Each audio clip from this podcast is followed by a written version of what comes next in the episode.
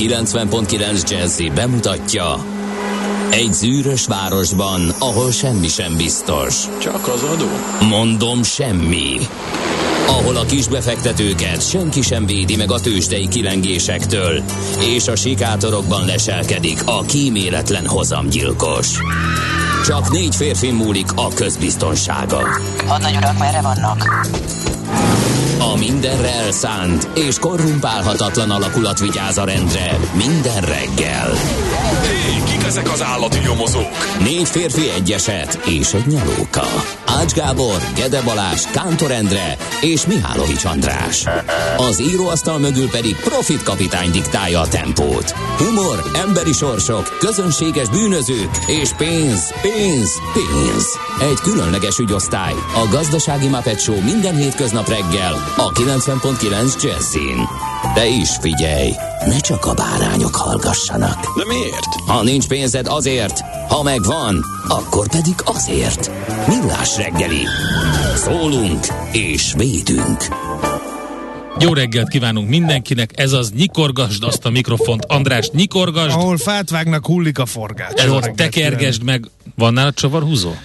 Nem, ilyen uh, kis olajozó. Nálam van egy van. csillagcsavarhúzó, angol száz nyelvterületen Philips, és azzal megcsavarozhatod, ha gondolod. Semmiképp nem akarok ilyesmit. Jó. Na, hát ez a millás reggeli, és uh, itten szerelünk, dolgozunk, hullik a forgács, uh, 20-a van, 6 óra 31 perc, a stúdióban pedig Mihálovics András. És ráadásul Kántor Endre. Jó reggelt kívánok én is. 0 30 20 10 9 0 9 Na ez az. SMS, WhatsApp és Végre. Viber számunk. Ez itt van Gézu. Uh, Hol? Levelét megírta megint. Ja, úgy. Láttam egy Tom és Jerry rajzfilmben, hogy a tükörtojás kifolyt sárgáját fel lehet szedni sajtal is. A minap kipróbáltam, tényleg. Átmentünk ilyen életvezetési tanácsokba? Nem tudom, miről van szó. Én sem. Hogy még egyszer olvasd el, légy szíves? De nem figyel, nem a figyelsz. tükörtojás. Nem figyelsz. Na, figyeltem, csak nem értettem. Láttam egy Tom és Jerry rajzfilmben, Mhm. uh-huh. hogy a tükörtojás kifolyt sárgáját fel lehet szedni sajtal is. A minap kipróbáltam, tényleg.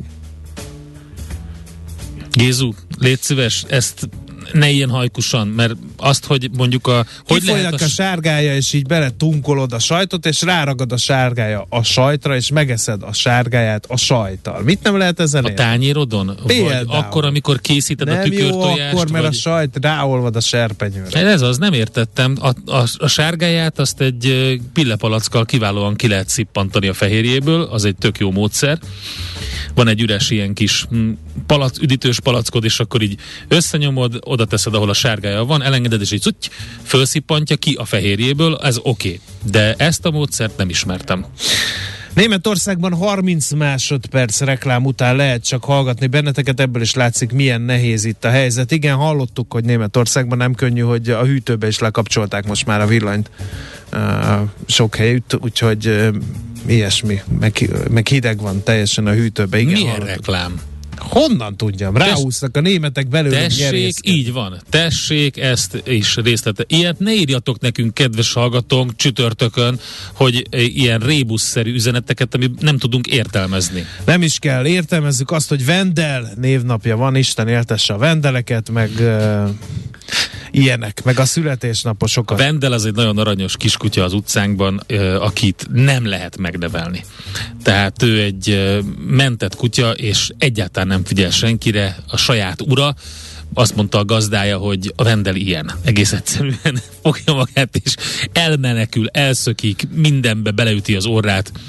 Nekem egy nagy kedvencem Vendel. Nagyon jó. A, mi a következő lépés? Hát a születésnaposoknak a köszöntése. Sault már nem is éltesse. mondod? Iringó? Tudtam, hogy ez lesz. Most komolyan, itt van Kleopátra. Meg akartam úszni azt, hogy egy régi haragosomat, vitálist köszöntenem kelljen, de Figyelj, tessék bele. Kleopátra nap is van. Ha Igen. ez átment a Magyar Tudományos Akadémián, akkor kérdem, a mozdony miért nem megy át? Hány? Hát Ez most nagyon pejoratív, azt Mi- így miért? tudod. Nem, Hogy hát a mozdony miért nem megy át a. Tudományos Akadémiát. Azt hittem, hogy ilyen elfolytott dű van benned a Tudományos értem. Akadémia. Volt egy ilyen, Munkásság. volt egy ilyen, hogy visszadobták. Igen. Hogy nem, nem lehet Hát sokat visszadobtak, de a Kleopátra nem volt közöttük, de a, a Cynthia se a, a klasszikus filológiában edzett uh, akadémikusok a Kleopátrát azt úgy tanál, és Saul is egymásban. Milyen szép, ugye? Azt szeretném mondani, hogy egyébként biztosan több Cynthia van Magyarországon, mint Kleopátra. 2004 Hát azt tuti biztos. Elhiszed? Frizurában viszont sokkal több Kleopátra van, szerintem, mint Cynthia. No, e, mi köthető október 20-ához? Nem vagyunk nagyon bőviben az eseményeknek. Az egyik Hát az, hogy a, átadják a Pesti Dunaparti villamos vonalat az akkor épülő Erzsébet híd hídfője uh-huh. és az Akadémia tér között. Kigyomláltam, mert rengeteg esemény volt természetesen a naptárban, de e- nem találtam érdekesnek ezeket. Semmilyen csata, semmi. E, Ne, de volt egy csata, elnézésedet kérem, volt egy csata valóban, de aztán úgy ítéltem meg, hogy hát most mit tudom én, futottak még kategória. Mindjárt gyorsan ránézek. Tudom, hogy megfogott, mert ott van az elején a Az sornak. első zentai csata, Tudtam. az nem, az hagyjuk. Na látod, er- erre gondoltam én is. Igen. Eh, 1949-ben megjelent a Nők lapja első száma, azóta is eh, erősen tartja magát a magyar eh, lappiacon az egyik, hanem a legerősebb képviselője még mindig a lappiacnak, úgyhogy csak mögé tudnak felsorakozni azok, akik még printben meg akarnak jelenni, és hát egy ikonról van szó, óriási gyakorlatilag minden háztartásban fel lehetett lelni. Gyerekkoromban anélkül nem volt nagymamához látogatás, hogy a, az elmúlt három vagy négy ö, nőklapjában az összes mesét ki ne olvastuk volna. Igen. Aztán jöttek természetesen a keresztrejtvények benne, és később meg a cikkek is. Úgyhogy azt természetesen mindenki tudja, hogy a nőklapjának csak a címe a nőklapja alapvetően, és azt férfiak is olvassák. Na, És ha nem lett volna nőklapja, én nem sátoroznék oly sokat a bakonyba. mert abba volt az indiános Abba riport. volt. Na tessék. Amikor elhatároztam, hogy na, ezt Azt nekem... hittem a Füles magazinból Nem. merítettél így. Megvan az a szám, egy nagyon kedves barátomnak több példányban meg A volt, aki szerepel benne. voltak benne, a a- Csetamásik igen, voltak benne, és, Vagy és, a Baktai és, Ervin, és megszereztem, úgyhogy féltett kincsem otthon ez a cikk, ami Mert hogy, hogy, hogy a délnek kis indultál? Mihálovicsot elindította. Várj, nem is, hogy Kis Mihálovics az honnan akkor, honnan indult akkor? Én Dunaújvárosból, ja, hát akkor nem, akkor, hogyha Akkor nem átruccantam. indultál, az volt a kérdésem, mert mehettél volna nem, Kisorosziba és a nem, Baktai Nem hallottam akkor a Baktairól. Nagyon soká hallottam. Már javában voltam a Mikor Bakonyban. volt a szakadás? Mert ezek, ezek együtt Nem volt kezdtek, szakadás. Nem? Nem. Én úgy emlékszem, hogy ezek valahogy Ez együtt kezdtek, nem, és akkor nem, nem külön egymás Ez úgy volt, hogy a baktai elhalt, ugye a kommunizmussal, a Ja, cserkész mhm. mozgalomhoz így finom szálakkal kötődött a Dunai Indián, és, és így nagyon visszacsökkent, meg a baktai már nem foglalkozott vele, és Mhm. így egyedül maradtak, stb. stb. És így szépen lassan működött végig, mert ott, volt az, ott voltak azért érdekes dolgok, és ettől teljesen függetlenül találták ki Cseh Tamásék a 60-as évek Oké. elején ezt az Na, egészet. ezt is megtudtuk. De nem tudtak egymásról nagyon sokáig, mert ugye Nagyon nem volt vicces. internettek, meg ilyenek. Nagyon vicces. Na, születésnaposokat örvendeztessük meg azzal, hogy milyen híres emberekkel születtek ők egy napon. Hát itt van például Lugosi Béla, a magyar származású amerikai filmszínész Dracula ként beskatujázták szegény. És még sok minden más is. 1882-ben született. Hollywoodnak egy nagy fő hajtása volt az Ed Wood című filmben az ő Igen. karaktere.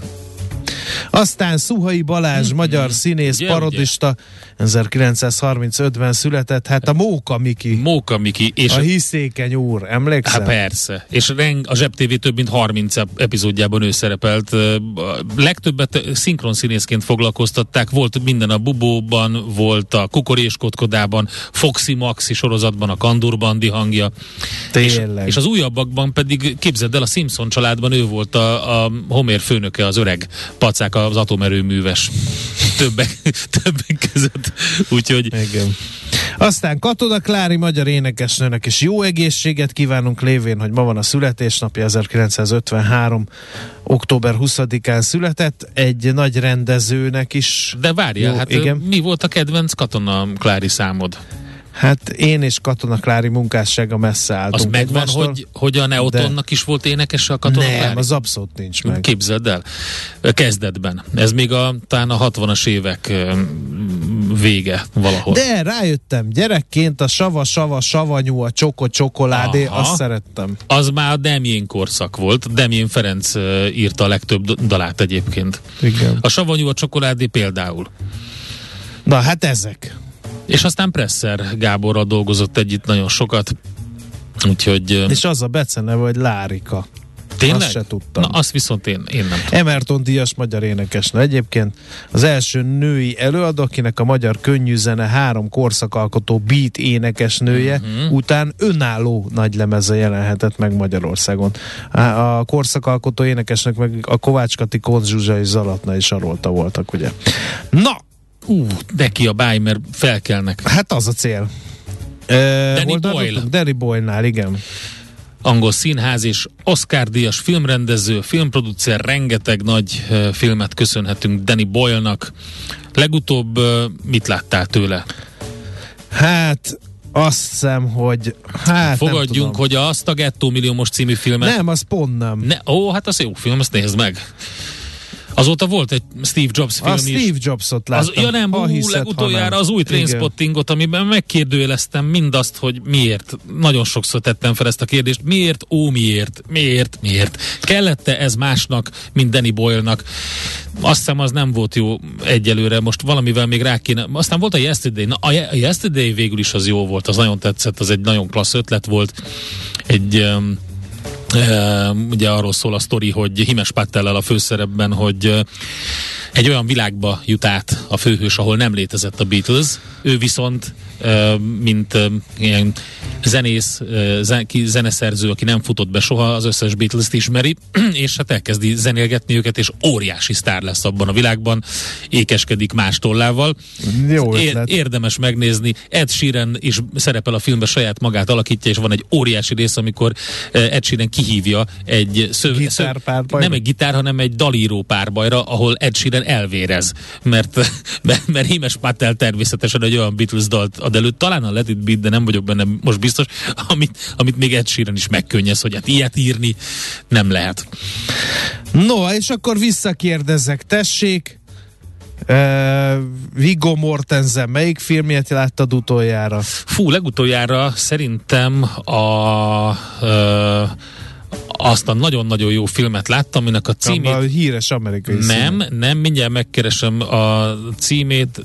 Ja, én nem, a zöld könyvet láttam legutoljára, de előtte a kedvencem az volt, amikor a, a beépített ügynökként játszotta azt a um, orosz mafiózót, aki még a tetoválásokat is természetesen rárakatta magára. Hát az egy zseniális film.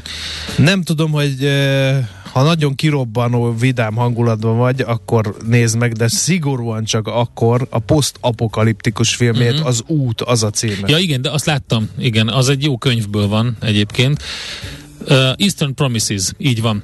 Az, a. Gyilkos ígéretek című film 2007, nagyon ajánlom. Uh, David Cronenberg, nem fogod, rendező. nem fogod eltalálni, hogy mit láttam tőle színész. utoljára. Nem az Appaloosa a törvényen kívüli város, mert azt is imádom, mert minden western imádok, hanem a G.I. Jane-be, ő a kiképző. Jaj, igen, minden, hát pénz is kell azért, biztos, ami biztos. Nagyon tetszik. Az nem, hát akkor ezt, ezt 97-ben forgatták, akkor még ő nem volt annyira ismert, mert ugye, a Gyűrűk urában a Aragorn uh, miatt lett uh, rendkívül ismert, azok meg Jó. 2000 elején készültek azok a, a filmek. És a másik személyes kedvencem az úton kívül Viggo Mortensen munkásságából az mi más, mint az Alatrist kapitány. Na azt Ja. nézzük meg, hogy harcoltak a spanyol terciók Igen. német alföldön. Az tényleg jó.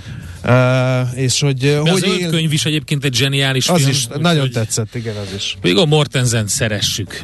Ez a lényeg, most jó sokat beszéltünk. Kamala harris uh, azt nem tudom, hogy szeressük-e. Hát szeretnénk Lökjük le minden esetre csak, azért, hogy ma van a nem, születésnapja. Nem hozta addig a, az Hát ígéreteket. ahhoz képest, hogy mekkora reménnyel Igen, indult igen, ő, igen. hogy majd ő lesz, és akkor Biden-t leváltja, és nem tudom, kimondottan csetlik-botlik a nemzetközi Igen, diplomáciában, úgyhogy, úgyhogy ö, ennyi volt Kamala Harris és a nagy remény egy mondatban. Ugye az Amerikai Egyesült Államok 49. alelnökéről van szó, aki nem tudná. És hát, ezt meghagyom neked. Snoop utolsó. Dogg, amerikai rapper, óriási sztár is uh, ma született. Szerintem uh, sokkal jobban, sokan nagyon uh, az image, image-et szeretik, amit ő képvisel. Most nem csak arról van szó, hogy mit sodor a cigarettába, de arról is. De miért volt ő Snoop Lion egy időben? Azt ne, a, figyelj, annyira nem ismerem a munkásságát, de az biztos, hogy oda tette magát a térképre. Hát ez biztos. Ő is A szerepelt nyugati, a filmekben. nyugati part, a West Side-nak az egyik legnagyobb képviselője. Úgyhogy Na figyelj, úgy hívják, hogy Cordozár Kelvin Brodaus Jr.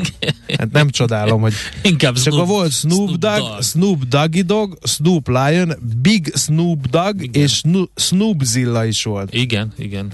Hát szerintem ez olyan, hogy, hogy nézd, akinek olyan lemezei jelentettek meg, hogy The Dogfather, meg a Gin and Juice, az nem Meg a bármikor. Doggy Style volt az első. Sőt, azt is mondta egyszer, hogyha véletlenül nem jön be a tovább a karrierje, és már elég pénzt keresett, akkor Snoop Doggról, akkor elmegy jégkrémárusnak, és Scoop Dognak fogja magát hívni, úgyhogy a, a gombóc. Miért, hív, miért Snoop? Hogy, hogy Mert Snoop? imádta a Snoopy. Snoopy-t. Persze. Igen. Azt én nem tudtam hasonlít is rá szerintem. Hát, Kicsit olyan Snoopy feje van. Na mindegy. Hát akkor, Akkor akkor tisztelet, tisztelegjünk előtte is igen. majd. De Meg a előtte, születésnapot sok Igen, előtte az Orgon következik egy friss lemezükről. Csak Abból- nem Snoop Doggot fogunk Nem, majd, játszani. ut, majd játszunk Snoop Doggot is. Hogyne? Hát a születésnapja van. Nézz is! Ne csak hallgass! millásreggeli.hu No, nézzük a sajtószemlénk. Ma mit tartogat Á, drága hallgatóknak? Kérem szépen magyar ö, belpolitikai és gazdasági hírekből egy tömkeleg, hiszen ö, tegnap ö, zajlott az a konferencia, ami a Budapest Economic Forum nevet viseli a portfólió rendezésében. Most már egy óriási rendezvénynek számít az elmúlt években szépen sikerült bevezetni azt, hogy ide tényleg eljön mindenki, aki számít, és hát rengeteg-rengeteg dolog hangzott el, amivel a neves sajtó orgánumok mind foglalkoznak. Többek között volt egy érdekes panelbeszélgetés, Bot Péter Ákos, Zsidai Viktor vett részt rajta, és Madár István, ahol Hát lényegében pont az ellenkezőjét mondták annak nagyjából a szakértők, mint amit korábban Varga Mihály mondott. Recesszióba menetel a magyar gazdaság, de ez még semmi, mert a hosszú távú kilátások még ennél is aggasztóbbak.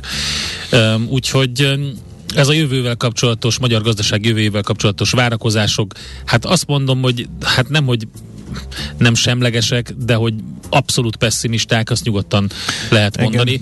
Uh, Zsidai rög, Viktor rögtön egy olyan előrejelzéssel kezdte, ami homlok egyenest ellentmond annak a pozitív kormányzati jóslatnak, amit ugye nem sokkal korábban ugyanezen a konferencián, mint ahogy mondtam, Varga Mihály mondott, miszerint Magyarország nem, gond nem lesz recesszió. Azt mondta Zsidai Viktor, hogy folyamatosan megyünk bele a recesszióba Magyarországon, mínusz egy és mínusz három százalék közötti GDP változással érdemes számolni jövőre. Igen.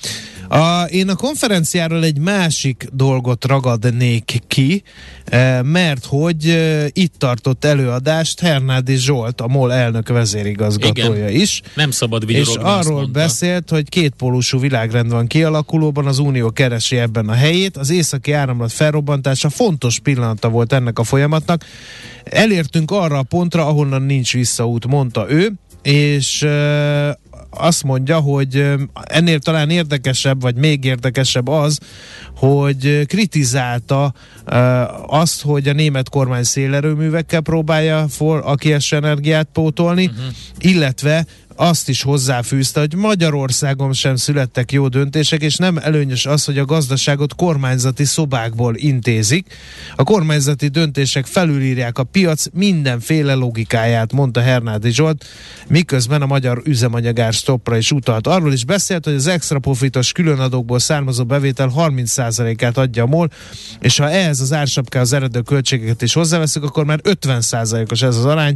Tudjuk, hogy válság van, meg kell oldani a problémákat. Ha ez csak 10-12 évente van, akkor a MOL lehajtott feje megcsinálja, de tudnunk kell, hogy ezek átmeneti megoldások. Hát most Úgyhogy... ugye nyilván a MOL színeiben mondja ez, de azért um, akkor nem hiszem, hogy ugyanúgy verte az asztalt Hernádi Zsolt, amikor uh, például először vetettek ki uh, külön bankadókat, uh, vagy más szektorokat um, kezdtek el egy picit rávenni arra, hogy a válság Aztán... miatt, vagy a rossz helyzet miatt ők toljanak be a költségvetésben, a mindegy. Aztán recesszió vagy nem recesszió, uh, a Parrag is ott volt. Bizony. Az MKIK bizony, elnöke. Bizony az Economic Forumon. Ő azt mondta, hogy tűzoltás zajlik, a jövő a reorganizációról szól, az energiaválság, a forint Jó. leértékelődése semmi, felgyorsított semmi, az inflációt. Lapozzunk, lapozzunk, a lényeg igen. az, hogy ő is recessziót jósol. A magyar hmm. gazdaságpolitika célja a stagnálás, vagy a recesszió elkerülése, de mielőbb el kell döntenie, hogy növekedéspárti vagy infláció ellenes. Hmm. A kettő együtt akkor sem megy, ha egyik jó választás. Ugye ez azért pikáns, mert hogy a Matolcsi György többször rápirított uh, Paraglászlóra, hogy uh, nem jól, jókat mond gazdasági ügyekben. Hát most érted, pirítgatnak egymásra, de valójában ezt bármelyikünk el tudta volna mondani ezt az előadást, úgyhogy igazából semmi, semmi újat nem hallottunk sajnos. De egy ilyen pozícióban lévő Aztán szereplőtől azért fajsúlyosabbat várunk. Majdnem 8000 betönt, betöltetlen állásai volt Magyarországon az oktatási szférában 2022 második negyedévében. Bizonyám.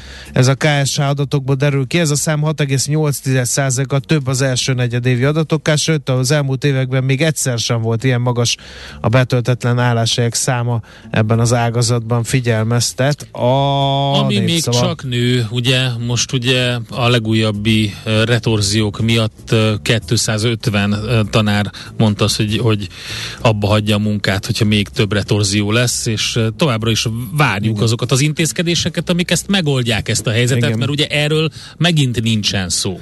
Aztán uh, megjelent egy a törvény, amely változtatna a szociális igazgatásról szóló jogszabályon is. A javaslat azt rögzít, hogy az egyén szociális biztonságáért elsősorban Jegyezzük meg ezt, mert nagyon fontos, az egyén szociális biztonságáért elsősorban önmaga felelős. Ha ezt nem tudja megteremteni, a közelebbről nem megnevezett hozzátartozó köteles neki segíteni, és ha együtt sem boldogulnak, a település önkormányzatának van gondoskodási kötelezettsége.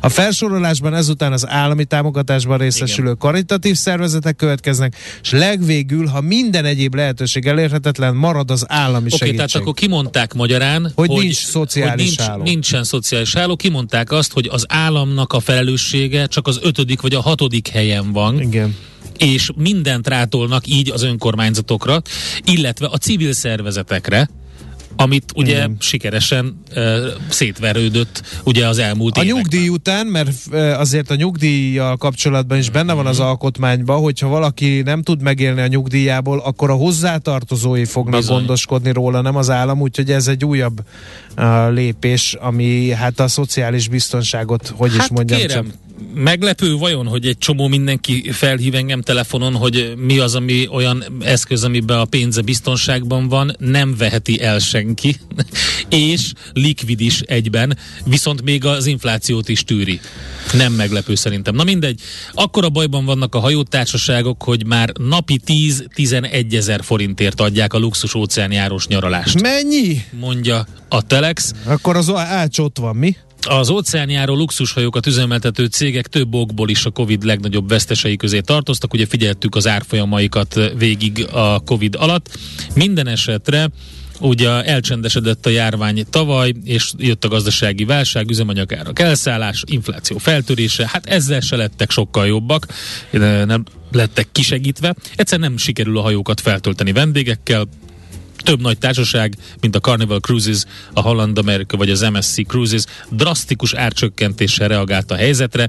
Kélek szépen, van olyan, a, a, most egy, elindult egy ilyen árháború lefele, hogy addig fajult a helyzet, hogy már napi 26 dollárért is adnak karib-tengeri luxusutazást. Ez most éppen 10.900 forint, de a nyár végén, amikor a trend indult, még 10.000 volt, tehát azóta veszik valamennyire. Nyilván ezek az all-inclusive nyaralások. All-exclusive. Hát nem tudom, nem tudom, hogy mit jelent, hogy mit kér, de valószínűleg valami, valami olyasmi van ebben a jegyben, hogy azért nem adnak mindent.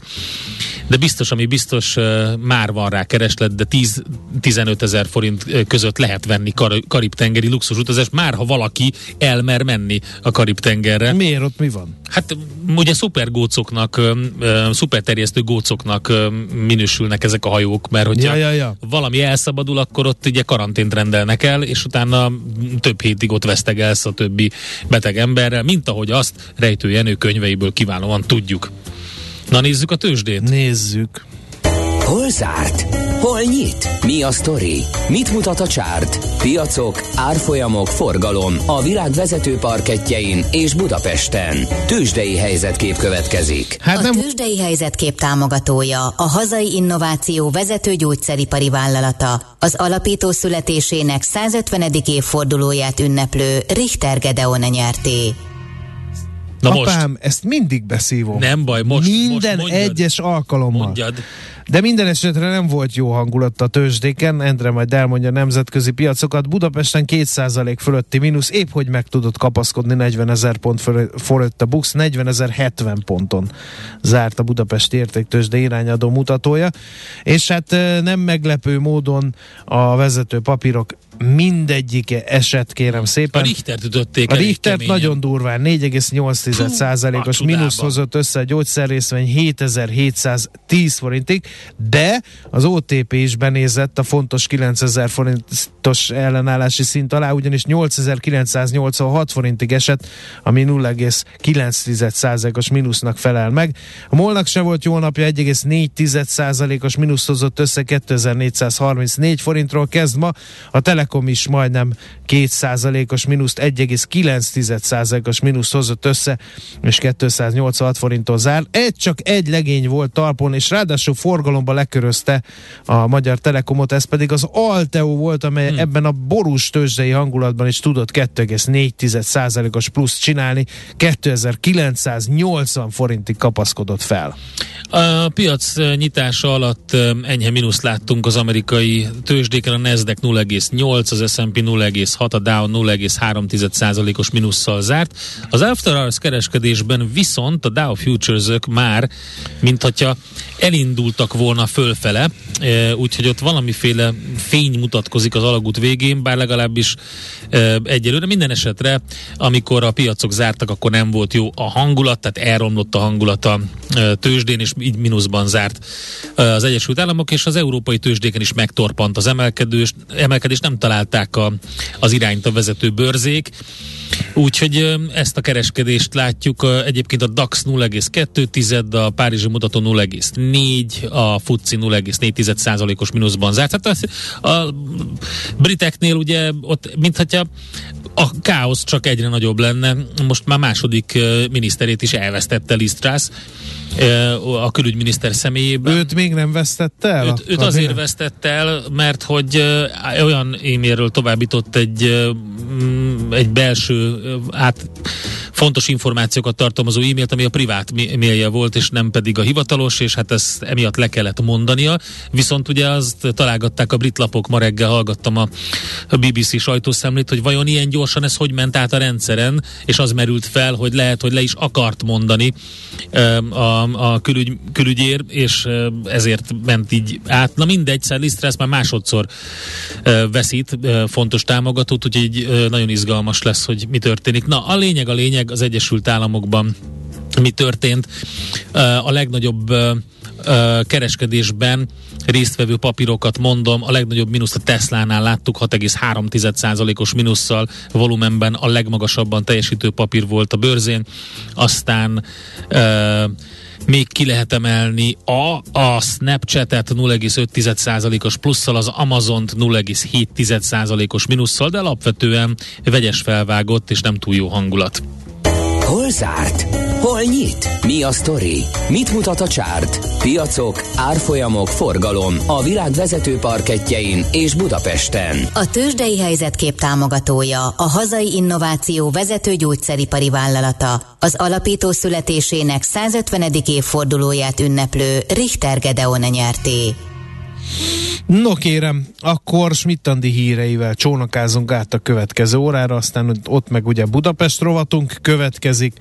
Napindító témánkban pedig arról lesz szó, hogy hadi Húha, állapot van a megszállt ukrán megyékben. Igen, bizonyám, úgyhogy uh, kihirdette tegnap egy um, rádiós beszédben Vladimir Putyin ezt, és egészen pontosan azt mondta, hogy aláírta a rendüle, rendeletet a hadi állapot bevezetéséről az Orosz Föderáció négy területére vonatkozóan, azonnali jóváhagyásra küldte az állami dumának. Hogy ez mit jelent? Miközben azért csinálnak olyat az oroszok, hogy egy nukleáris bombázó elzúgott az Egyesült Államok közelében, mint egy jelzésértékű ezzel együtt. Hát mennyire eszkalálódott a helyzet, ezt fogjuk megbeszélni Feledi Botondal. Nézd a Millás reggeli adásait élőben a millásreggeli.hu oldalon. Millás, Millás reggeli, a vizuális rádió műsor. A reggeli rohanásban könnyű szemtől szembe kerülni egy túl szépnek tűnő ajánlattal. Az eredmény krétával körberajzolt tetemes összeg. A tethelyen a gazdasági helyszínelők, a ravasz, az agy és két füles csésze és fejvállalakzat. A lehetetlen küldetés megfejteni a Fibonacci kódot. A jutalom egy bögre rossz kávé és egy olyan hozamgörbe, amilyet még Alonso Mózli sem látott. Millás reggeli, a 90.9 Jazzy Rádió gazdasági mapetsója. Vigyázat! Van rá engedélyünk! Jó reggelt kívánunk Bizony, mindenkinek, ez a Millás reggeli. Bealudtunk a startnál, benragadtál, visszafújják. Azonnali, azonnali um, breakinggel kezdjük. No. Nagyon boldog születésnapot kívánunk Szalai Zsoltnak, aki 50 éves lett ma. Hí, mekkora buli volt az én 50. Bizony, de most nem rólad beszélünk, ja? mert azt mondja, róla, azt, azt mondja Szalai Zsoltról a nagyon közeli hozzátartozója, élete szerelme, hogy nagyon szereti az egész család, és büszkék vagyunk, hogy ilyen édesapa. Hihetetlen, hogy mennyi energiája hát ez van. a legtöbb, ami kapható. Ilyenkorra már visszatér az edzőteremből, meghozza a friss péksütit a boltból a családnak, és valószínűleg a gyerekek elemózsiáját is készíti össze épp a suliba. Ez Zsolt. Korunk férfi ideálja. Legenda, ennyi. legenda. Úgyhogy ez, ezúton is üzeni uh, Mária, hogy ne maradjon ki a sárga répa. Biztos, ami biztos, egy ilyen, egy ilyen üzenet, Olá, egy ilyen üzenet is bele kellett, hogy csúszson ebbe. Az, na mindegy. Ez olyan tud, hogy érse. Hát kérem ez. szépen, Zsolt, nagyon, nagyon, nagyon voltak születésnapot, és ne felejts ki a sárgarépát. Na, okay. uh, 0 30 20 10 9 0 9 SMS, WhatsApp és Viber számunk is ez, tallózzunk a hallgatói üzenetek körül. Uh, ja, de nem, mert közlekedni kell. Bár nem, ezért még, még van. Még igen? Üzenünk uh, Az ország gazdaságáért a mindenkori kormány felelős figyelmeztet a hallgató. Uh-huh. Kedves kartársak, a számos kormányzati gazdaságpolitikus között beindult a bűnbakkeresés. Ez is jelzi, hogy pontosan tudják, milyen a helyzetünk. Aha. Aztán megoldottam az bőven... oktatásügyet, privatizálni kell és uh-huh. odaadni Lőrincnek. Már bőven 300 felett vagyunk olyan tanárok, akik beléptek a tanárok a tanárokért szolidaritási mozgalomba tesz helyre. Péter, köszönjük szépen, a felkiáltójel természetesen elérhető, mint profilfotó a Facebookon, és tisztelegjünk ezek előtt a tanárok előtt. Jól gondolom, lassacskán oda jutunk, mint ahova az oroszok jutottak a Szovjetunió széthullását követően? Mm. Milyen tekintetben? Mm. Kedves Gyuri, írd meg, légy szíves. Katona Klári művésznek sok boldogságot, egészséget, rendkívüli tehetség, alázat, titkaim című lemeze, etalon, írja egy rajongó. Aztán múlt szombat munkanap, telefon, kamera, kérdés, kisvállalkozás, fejlesztési lehetőség. Válasz, ő mi, nincs bent senki. Újabb telefon, kavosz. Kérdés, ugyanaz. Válasz, november 20-án keressük újra, mert túlterheltek. Megoldási javaslat, átcsoportosítás, vagy szét, írja a Szabolcs, a budai paraszt. És most közlekedjünk akkor. Jó. Budapest legfrissebb közlekedési hírei, itt a 90.9 jazz A Fogarasi úton a Kerepesi út felé már a Barkácsáruháznál áll a sor vége. Mi van ma? kérdezi Ádám hallgató, aki utána meghasonlott, mert megírta, hogy az Rákóczi az Erzsébet híd felé is elesett és mi kaptunk egy hírt balesetről a Kőbányai úton a Könyves Kálmán körútnál, a Kőbányai úton befelé, és a Könyves Kálmán körúton a Rákóczi felé sávlezárásra kell emiatt készülni. Budapest, Budapest, te csodás! Hírek, információk, érdekességek, események Budapestről és környékéről. Szeretném felhívni a figyelmet a komposzt találkozóra, Igen. amely a Pünkösfürdő Parkban fognak tartani. Tudtam, hogy ez neked tetszeni fog. Október 27-én 17 órakor komposzt találkozó. Tehát négy új közösségi komposztládát helyeznek ki itt a főkert közreműködésével, oktatási célzattal a parkba látogatók, valamint a környéken élők számára. Kísérleti fázisban van, ezért szeretnék bevonni a kialakult és jól működő komposztáló közösségeket is, hogy együtt alakítsanak ki megfelelően működő és egységes úgynevezett komposztpontokat, a többi komposztponton az átadók óta számos javaslat érkezett a lakosságtól, és a szervezők abban bíznak, hogy egy személyes találkozó keretében az itt élő civil közösséggel is átbeszélhetnék ezeket a tapasztalatokat. Szeretnék elérni, hogy olyan komposzt közösség alakuljon ki itt is, akik rendszeresen és hozzáértően gondozzák, nem fogjátok kitalálni mit, hát a komposztpontot.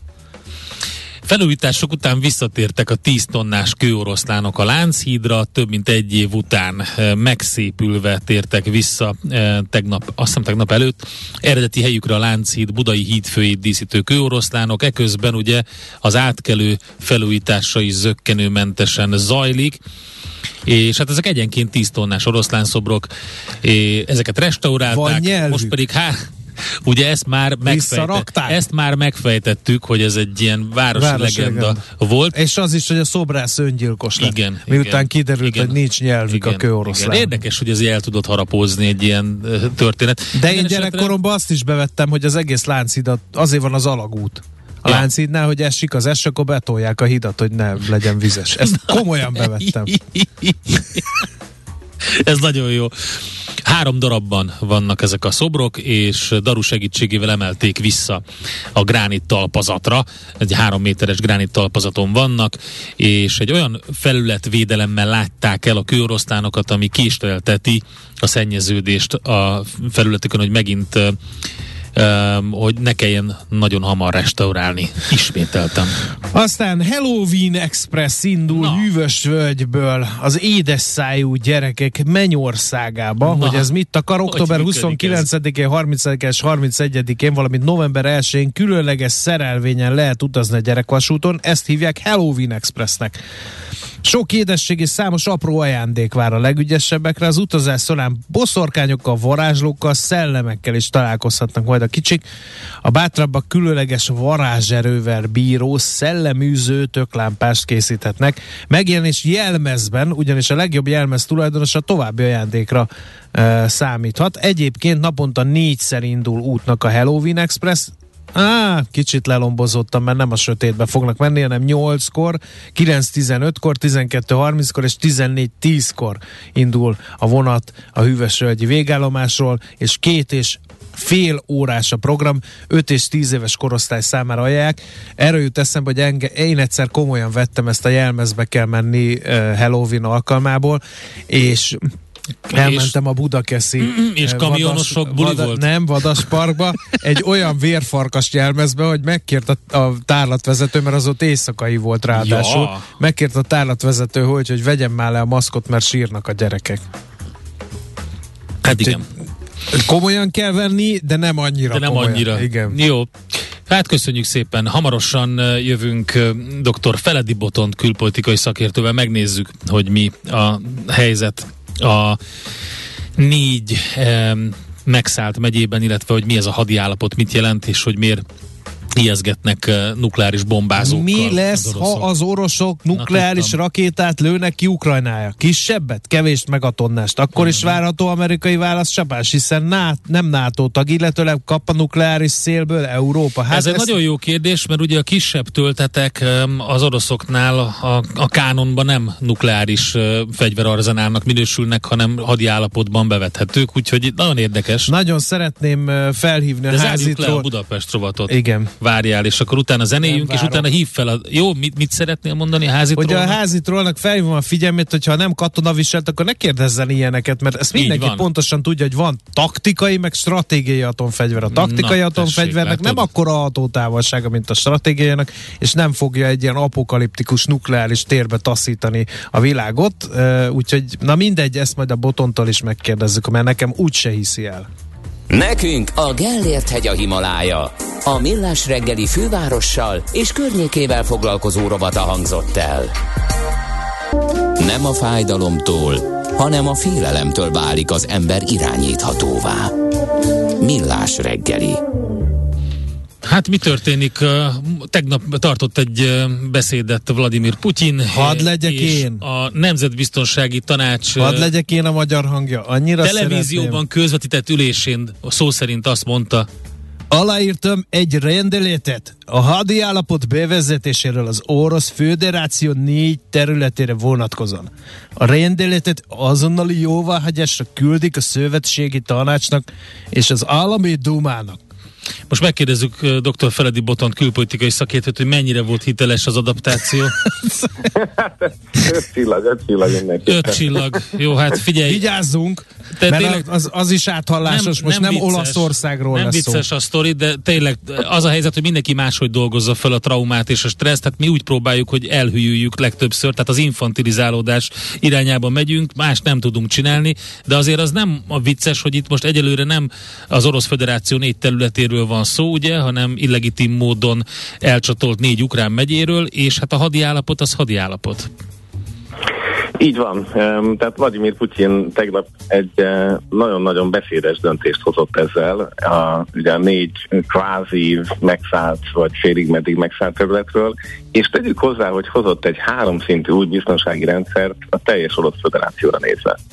Um, tehát egy, egy olyan, mondjuk úgy, hogy a belső biztonságot megerősítő intézkedés sorozatot láttunk a kezéből kifolyni, ami jól mutatja, hogy szó nincs arról, hogy a mobilizáció miatti kisebb repedéseket, vagy azt, hogy a, um, mondjuk egy Donetszki régióban a, a sodotásra való szembenállást ne akarná megtörni. Tehát teljesen egyértelműen ebbe az irányba megyünk, hogy a kontroll erősödik csavart egyet a kontrollméteren, um, miközben pedig hát az, ami most történhet majd a négy harc alatt álló területen, az valószínűleg az emberi szenvedésnek egy újabb fejezetét fogja nyitni.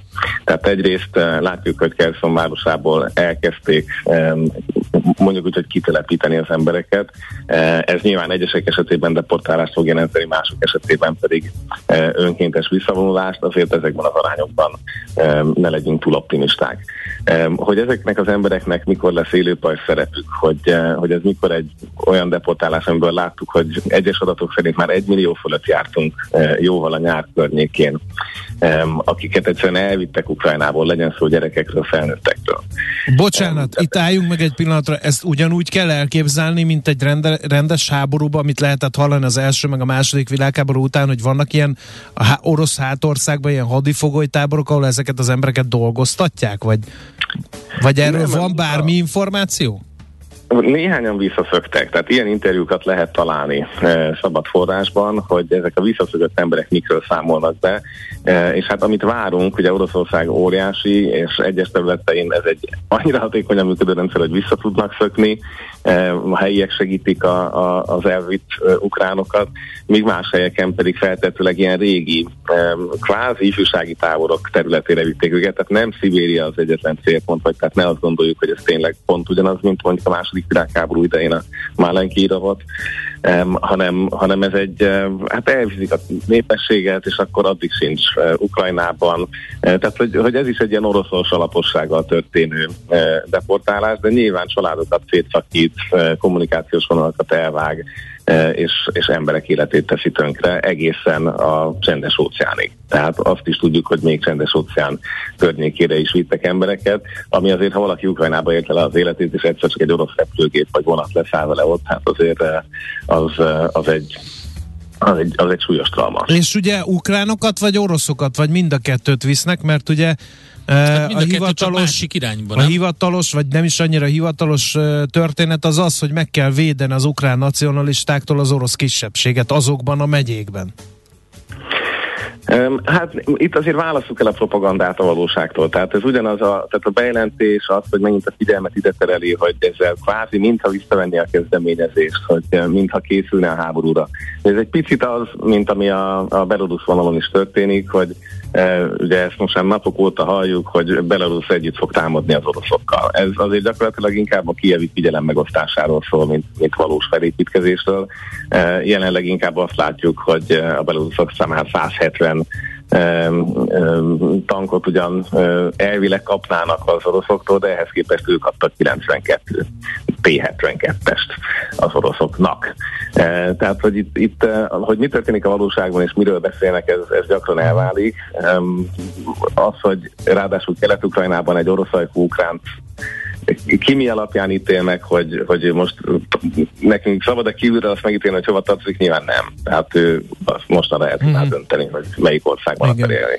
Figyelj, Botond, a, a, mennyire, ugye amikor támadott Oroszország, akkor ugye már lehetett uh, ugye azt sejteni, hogy a minimális cél ezeknek a megyéknek az Oroszországhoz csatolása volt. Ezt bebizonyította, hogy ugye volt népszavazás, amely, amely ugye ezt legitimizálta az oroszok szerint, miközben hogy a világ hangsúlyozok, ezt nem fogadta el, de hát tulajdonképpen akkor már azt mondogatták, hogy ez az egész hercehurca, ez arra jó, hogy ott valami egészen különleges jogrend alakulhasson ki, hiszen akkor mondhatják az oroszok, hogy mivel hozzánk tartoznak ezek a megyék, és ott éppen ukrán csapatok vannak, akkor támadás Oroszország ellen, és hogy annak más a jogi megítélése, mint hogyha ugye az orosz agresszióval érintett ukrán területekről beszélünk. Nem ebbe a láncba illeskedik bele a Putyin mostani bejelentése? Um, Mondjuk úgy, hogy, eh, hogy tehát ez a narratíva él, megtaláljuk, és, és jogi értelemben igaz, de ez megint egy nyugati olvasat. Um, és, és igen, tehát legitimizálja persze a katonai doktrina értelmében, amit mondtasz, az teljesen így van. Uh, valljuk be, hogy nem biztos, hogy ez korlátozná Putyint, hogyha mondjuk éppen nem deklarált volna, jaj, hát akkor még indíthatom el az atomot, és a fejére csak. Tehát uh, nem, nem, ez, nem ez az akadály, vagy nem ez az olaj önmagában. Uh, ami látható és ami egyértelmű a tettekből, az az, hogy ha már elcsatolni érdemben nem tudom, és Kievet nem tudtam megszállni, akkor inkább élhetetlenné teszem az egészet az utánok számára. És ugye erre jó, erre a terrorizálásra, a lakosság megfélemlítésére a most bevezetett uh, állapot is, és erre jó az egy hete zajló rakétázás, erre jó az, hogy az elektromos infrastruktúra Zelenszky bevallása szerint is már 30%-át megsemmisítették az országban tél közelettével. E, és akkor még nem kezdték el a gázvezetékek, gáztározók vagy egyéb távfűtésközpontok kilövését. E, tehát itt egy nagyon-nagyon komoly a lakosság moráljának megtörésére irányuló művelet látunk. Ez az, ami látszik. Ezeknek része az ilyen típusú narratívák felállítása, de ez a kommunikációs térbe zajlik, de közben a valóságban ugye az, hogy embereket elvisznek, hogy a, ugye ez a teljes hadi állapot alkalmas lehet arra, hogy, hogy mondjam, még jobban felbátorítsa a helyi orosz erőket a brutalitások elkövetésére, hogy ezt legalizálja, mert majd azt mondják, hogy nem engedelmeskedtek az ukránok, meg kimentek a házból. Ugye eddig, eddig nem ennyire volt a helyzet szigorú. Um, és ekközben pedig szétlövik a civil infrastruktúrát a hátországban. Tehát hmm. ez történik. Okay. És mi a helyzet az Egyesült Államoknak a, a bemutatgatással? Tehát most ugye arról szól ez a Azt bombázó a nukleáris, a nukleáris Igen. fenyegetés ugye egy ideig volt, aztán lekerült a napirendről, most úgy tűnik, hogy megint elkezdték a, elkezdett Putyin, meg különböző orosz prominensek ezzel fenyegetőzni. Mi történik? Hát ennek is ugye két szintje van. Egyrészt a NATO kéthetes um, nukleáris gyakorlatot tart, egyébként pont egyezően az orosz uh-huh. mindenféle mozgásokkal, tehát a valóság az az, hogy uh, erre végtelen mennyiségű forgatókönyv, úgynevezett wargaming, tehát háború szimuláció, és nagyon komoly felkészülés van 2014 óta. Tehát ez már a krím idején amerikaiaknak megvoltak a forgatókönyvek. A másik oldalon ez viszont a nyugati közönségnek szánt narratíva. Tehát itt az történik, hogy minden e, ilyen atomhelyzet e, citáláskor a, van az a típusú háború ellenes közönség, aki azt mondja, hogy lámlám atomot inkább ne kérjünk, akkor egyezünk ki az oroszokkal. És ez ennek a helyi um, dezinformációs kampányoknak a, a, a, a táplálását szolgálja. És ez, ez nagyon jól látszik, a, mondjuk akár európai médiát is végignézhetjük ezzel a szemmel. E, miközben ennek nyilván van egy valóságos aspektusa is, tehát igen, zajlik, de pont a nukleáris dolgok azok, amiket relatív jól meg lehet figyelni műholdaktól, ezek a dolgok azért csak sugároznak. E, tehát ez, ez, ezzel nehezebb meglepetést okozni. E, ehelyett még ott vannak a kibertámadások. Ne felejtsük el, hogy amerikai repterek ellen ugyanúgy e, indult kibertámadás, mint ahogy láttuk az északi áramlat esetén a bizonytalanságot, hogy olyan oroszok voltak-e, vagy a német vasúti közlekedés leállítása kapcsán. E, és hát ez még valószínűleg csak a bemelegítő. Tehát e, nem hiszem, hogy e, ne használnák ki még előtte ezt a lehetőséget, ahogy azt is, és ez az utolsó rémizgetés, de nem tudom, hogy kategóriákba hova kell sorozni, vagy sorolni, hogy ugye a tenger alatti adatkábelek környékén is nem csökken az adatactivitás. Igen, az igen. Most így már gyakoroltak egy kicsit a másik típusú tengeralatti vezetékekkel, most jöhet ez. Az nem túl jó lenne. Igen, és atom és atom között tehetünk különbséget, mert ugye azon is megy a vita megint csak a nyugati közösségben, hogy mindenki azt mondja, hogy atom, és akkor mindenki egy nagy gomba felhőtt vizionál, mint Nagasakiba, és azt mondja, hogy hú, itt, itt elfújja a szél idáig, és hogy egy ilyen nagyon nagy, sok áldozatot és óriási károkat okozó robbantás, pedig ugye vannak taktikai atomfegyverek is, ami mondjuk egy tüzérségi lőszer nagyságú, amit ugye ilyen nagyon erősen védett objektumok ellen terveztek, vagy épp ilyen áttörésnek a előkészítésére. Tehát ezeknek a bevetésére milyen esély van? Um, hát nézzétek, van mert, mert engem, mondod, mert engem azt gondolkodtatott el Botont, hogy azt mondod, hogy próbálja élhetetlenné tenni ezeket. Hát ebbe, ez pont beleillik ebbe a doktrínába. Beleillik persze, hát ha az egészet leszorják zulékony anyaggal, vagy, vagy repeszbombával, tehát hogy ez mind belefér, és ugye ezeknek a tiltott fegyverek egy részét használja Oroszország a területen. De, de tényleg, ha az embereknek nincs áram, és nincs, nincs ennivaló, vagy az az úton nem tud odajutni, vagy az üzemanyag tartály központokat és elosztókat is célzottan elkezdik megsemmisíteni, kérdés persze mennyi rakéta van, akkor, akkor ez az ország így is úgy is nehezen élhető lesz a következő időszakban. A, az atom atomnak pszichológiai jelentősége van, a legkisebbnek is. Tehát egyszerűen ugye Hiroshima óta e, nem használtak hadviselőfelek atomot, tehát ez, ez, az, ami egyébként szerintem azért is kisebb valószínűséget nem kizárt, de kisebb valószínűségű, mert ez még a szövetségeseit is egy picit hogy mondjam, eh, karnyújtásni távolságra helyezni tőle. Tehát senki nem akarja látni azt, hogy hirtelen valaki elkezd atomot használni, mert ez az egész pakisztáni indiai konfliktusra is hatással lehet. Ez egy, egy, egy nagyon súlyos destabilizációs hullámot indít el, ami nem biztos, hogy egy adott pillanatban nem Putin célja.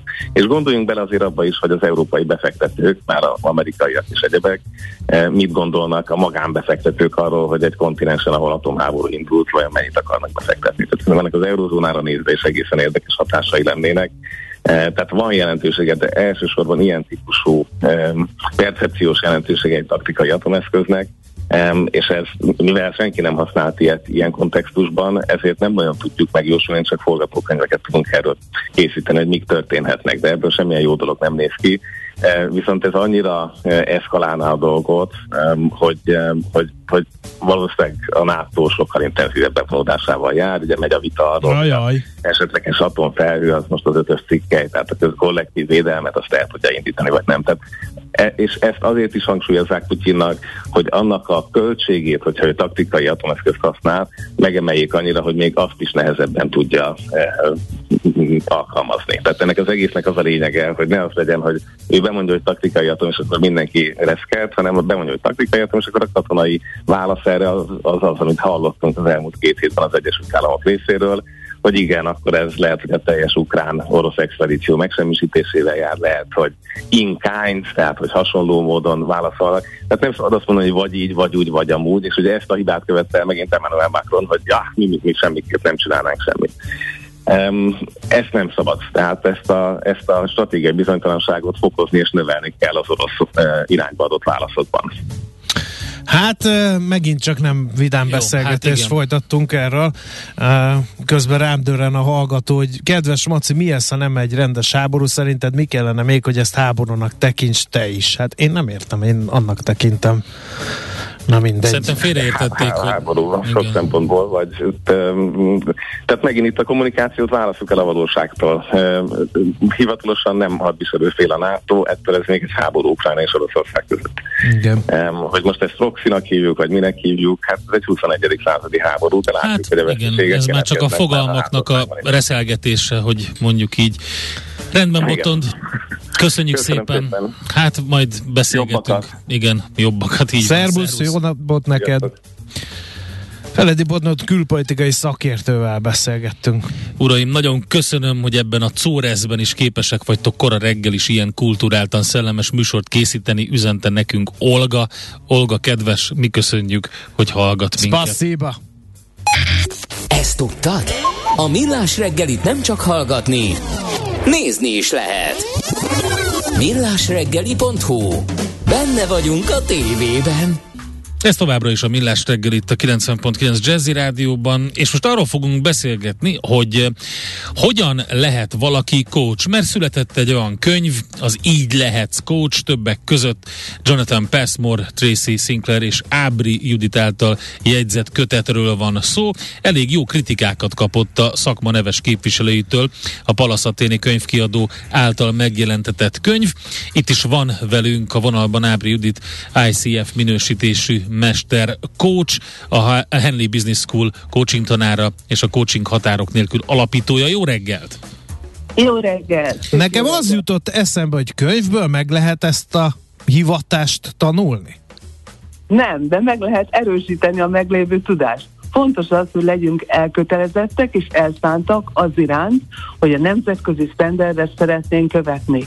Tehát nem kellene kókler kócsok, hogy én is az vagyok, meg te is az vagy. Mit végeztél, mit tanultál? Kövessük azt, ami a szakmának az iránymutató alapjai, normái, viselkedés normák, amiket kócsoknak követni kell, és akkor helyünkön vagyunk, és tényleg igazi szakemberek lehetnek belőlünk ezáltal. Nagyszerű. Én egyébként láttam a Jonathan Passmore-t most nemrég, és és hát egy Igen, zseniális... Most fogok vele reggelizni, itt van Pesten, beugrott egy másik apropóból, és ővele fogok reggelizni, hogy a szakmai beszélgetéseinket folytathassuk. Egy, egy zseniális pacák, és én az jutott eszembe, amikor néztem a, a, az előadását, hogy mennyire um, személyfüggő ez a szakma, tehát hogy mennyire kell az, hogy egy ilyen elragadó, jó előadó legyen valaki, aki, akinek itt tényleg átjön a, a, az, hogy ő, hogy ő mit szeretne mondani, és hogy mit, mit, mit akar elérni.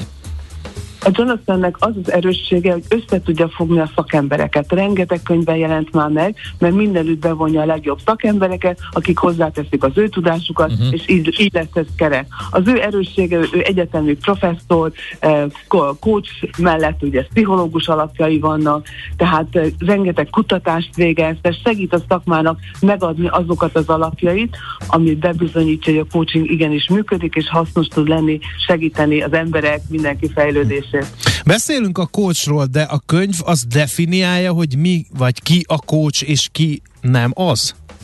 Igen, igen, definiálja, inkább azt, hogy ki az, és hogyan kell viselkednie. Ugye mi a coaching? Egy kellemes beszélgetés, ahol valaki figyel rám, kérdez, észrevételeket tesz, visszatükrözi, amit mondok, és tök jól érzem magam, mert valaki rám figyel, és érdeklőt az én történetem.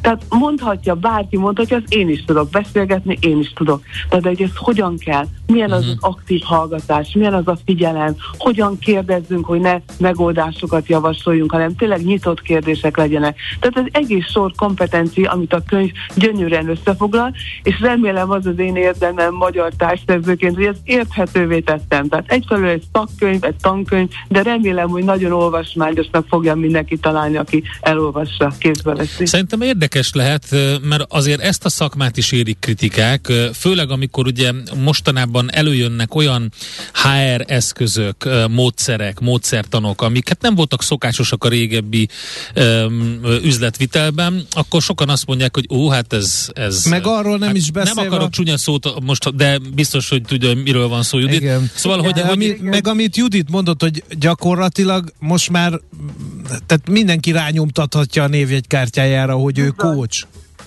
Igen, és a könyv pont ezt szeretné megakadályozni. Tehát arról szól, hogy hol vannak a szakmának a keretei. Uh-huh. Szuper, amiket mondtak, és annyira örülök, hogy erről beszélünk, mert, mert tisztába kell tenni. És a könyv abban segít, hogy profi coach legyél. Ha egyszer ezt a szakmát szeretnéd üzni, tök jó, nagyon jó, olvasd el ezt a könyvet, és kövesd a nemzetközi standardet, és ha minden jól megy, akkor tedd le azt a nemzetközi vizsgát, ami tényleg világszinten téged elfogadottá tesz. És akkor kinyílnak a határok, bárhol dolgozhatsz coachként nemzetközi minősítéssel. mennyire jellemző itthon a, az üzleti világra, vállalati világra, hogy alkalmaznak coachot?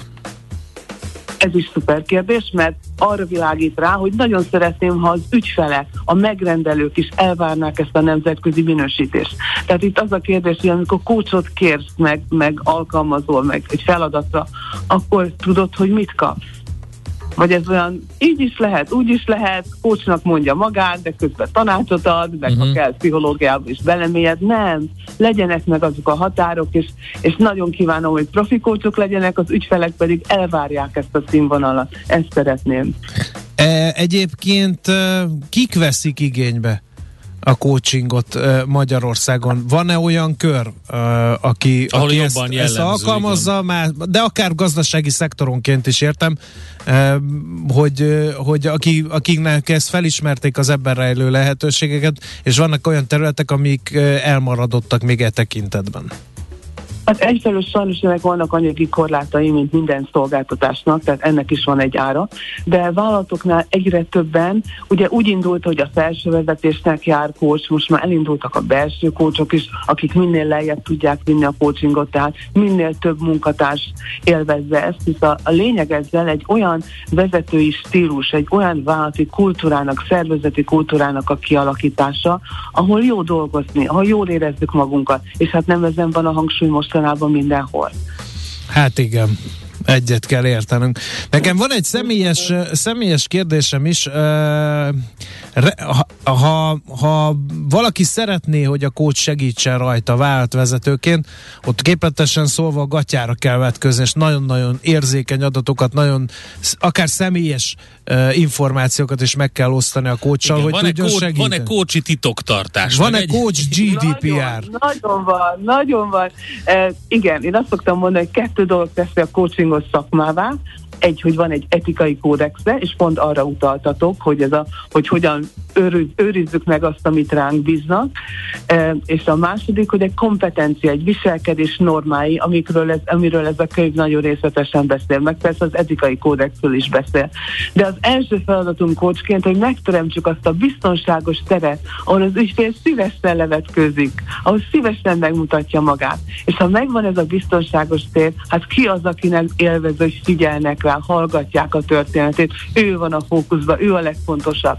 És mi az Tudjátok, Mi a eredménye? legnagyobb, Ja, bocsánat. Hogy mondjam, hogy tudod, hogy mi a legnagyobb kihívás? Az emberek erre alig szánnak időt. Aha, igen. Pedig itt ők vannak a fókuszban. Hát egy gyors szánnak. kávézás gyorsan, és akkor mond, hogy mi a lényeg. Ez olyan, mint amikor pont az előbb Igen. említettem, hogy m, bármi csak rádiós műsorvezetők vagyunk, meg újságírók gazdasági területen, de fölhívnak minket, hogy mi a tuti most. Mi a tuti befektetés most ilyenkor. Ezt mondjam el egy telefonbeszélgetésben 5 perc alatt, és teljes csalódottság van, amikor nem tudom ezt elmondani, mert egyrészt nincs ilyen, másrészt meg, hát ez nem egy telefonbeszélgetés. Igen, de ha te mondod el, akkor mi történik? Neked kell ezért felelősséget vállalni a tanácsaidért. A coachingban meg mindenki, minden ügyfél saját magáért, nem, az életben is, minden ember a saját életért felelős. És a felelősségnek egy része az, hogy, hogy legyünk tudatosak, tudatosabban éljük az életünket, hogy mi van körülöttünk, miben vagyunk, és akkor erre ránézve biztos, hogy, hogy jobban megtaláljuk a, a helyes, azt az utat, amitől boldogok vagyunk, ahol jól tudunk működni. Mi, mi az eredménye egy ilyen coachingnak? Tehát mire vezet ez az egész? Az, hogy egy jól érezze magát a másik fél, vagy ennek azért van mérhető hatása? Mi, mi a hatása? Tudjátok, úgy indult a világ, hogy minden a pénz, tehát hogy legyen gazdasági eredmény, stb. hol térül ez meg nekem. Ma már egyre inkább arra is figyelünk, hogy hogyan érezzük magunkat. És a gazdasági eredmény, teljesítmény is csak akkor jön, csak akkor szárnyal, ha jól érezzük magunkat. És ahhoz sokszor azt kell, hogy átnézzem, hogy mik az én lehetőségeim, milyen irányba haladjak, mi az én jövőbeli céljaim. Tehát tudatosabb élet, és erre időt szánni. És nagyon jó volt, amit mondtál, igen, 5 perc alatt adjunk tanácsot. Az gyors, amikor ránézünk magunkra, és elkezdünk magunkon gondolkozni, ez nem olyan gyors. Uh-huh. Időt igényel, reflektálni kell, lamentálni kell, de annak van eredményes, az a tiéd, az csak a te megoldásod, nem valaki külső erő mondja meg neked.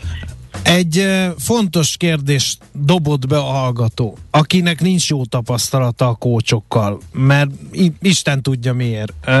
Van-e visszaút ebbe? Egy Tehát, hogyha valakibe csalódtam, hogy... akkor megint azt mondom, hogy á, nekem ez nem kell, akármilyen jónak is mondják ezt a kócsot, és ha mégis valahogy rászorít mondjuk a közösség, a főnököm, a nem tudom én kicsoda, akkor meg ugye nehéz, nehéz úgy hinni neki, hogy nem utalgatok vissza legalább magamban arra, hogy hát ez nem jött be a múltkor. Annyi mindent érintünk itt, mert az egyik az, hogy a kócs kiválasztás az a szimpátia alapján történik. Szoktuk mondani, hogy kémia alapján, hogy kivel érezzük magunkat jól, biztonságban, kinek vagyunk hajlandók megnyílni. A másik, hogy nagyon sajnálom ezt a véleményt, és csak azt szeretném, hogy ne a coaching szakma iránt e, e, inogjon meg a bizalma, hanem egy ember iránt. Hát mindannyian nem biztos, hogy passzolunk, nem biztos, hogy épp a legjobban teljesítünk egy adott nap, sőt nem biztos, hogy azokat a normákat követjük, amit ez a könyv leír, hát ezért kell ez a könyv, az így lehet coach. Hogy pontosan meghatározza, hogyan viselkedjél, mik azok a normák, amitől hiteles, igazi coach leszel. És az ügyfél tisztázták, hogy mi volt az elvárás, amikor indult egy ilyen folyamat, hogy mit fog adni a coach. Lehet, hogy a drága ügyfél azt várta, hogy oldja meg az életét és adjon tanácsot. Tehát ezért is köszönöm szépen ezt a beszélgetést, és mert helyre tesszük, hogy a kursnak nem az a feladat, hogy megoldja másnak az életét. Az a feladata vagy lehetőség, amit ott a beszélgetés folyamán tesznek, vagy, vagy kiaknáznak, hogy mi van abban az egyénben, hol van a potenciál, hol van az a tudás, erősségek, amit még eddig nem alkalmazott. Ezeket megtalálva biztos, hogy sikeresebb lesz az életben. Nagyon jó. Oké. Okay. Hát Köszönjük olvassuk szépen. el akkor a könyvet. Mindenkinek, aki benne van a szakmában, annak szeretne azért, benne aki lenni. nincs benne, annak azért. Bizony. Judit, köszönjük pontosan, szépen. Remélem, hogy mindenki érti, aki nincs benne a szakmában, ő is érti, tehát érthetően, és, és hát olyan felhasználó baráton fogalmaztunk, mondjam Biztosan. Köszönöm Köszönjük szépen, szép napot. Viszont kívánom, köszönöm.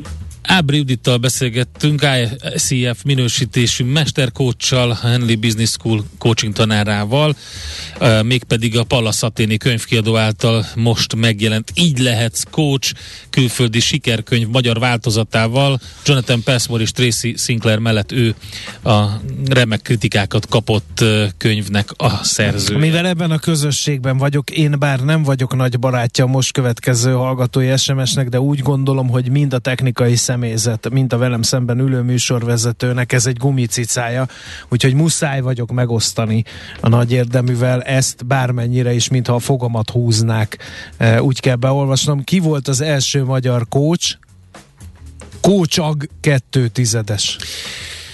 Hú, rendben van. Akkor mm, jó, ez tök jó volt, köszönjük szépen. Hasonlókat várunk még. Nem, nem várunk Maci hasonlókat. jeligére a stúdióba némi bonbon és virág kíséretében. Már elindult. Gondoltam. Most viszont egy Hogyan főhajtás. lesz a coach ag? Tessék, látod? Tessék. Most viszont egy főhajtás akkor a ma születésnapos Snoop Dogg előtt. Nem életvitele, csak munkássága előtt. Mi, én minden szempontból tisztelem őt, és azt kell mondjam, hogy Quincy Jones ugyanígy tette, amikor együtt dolgoztak.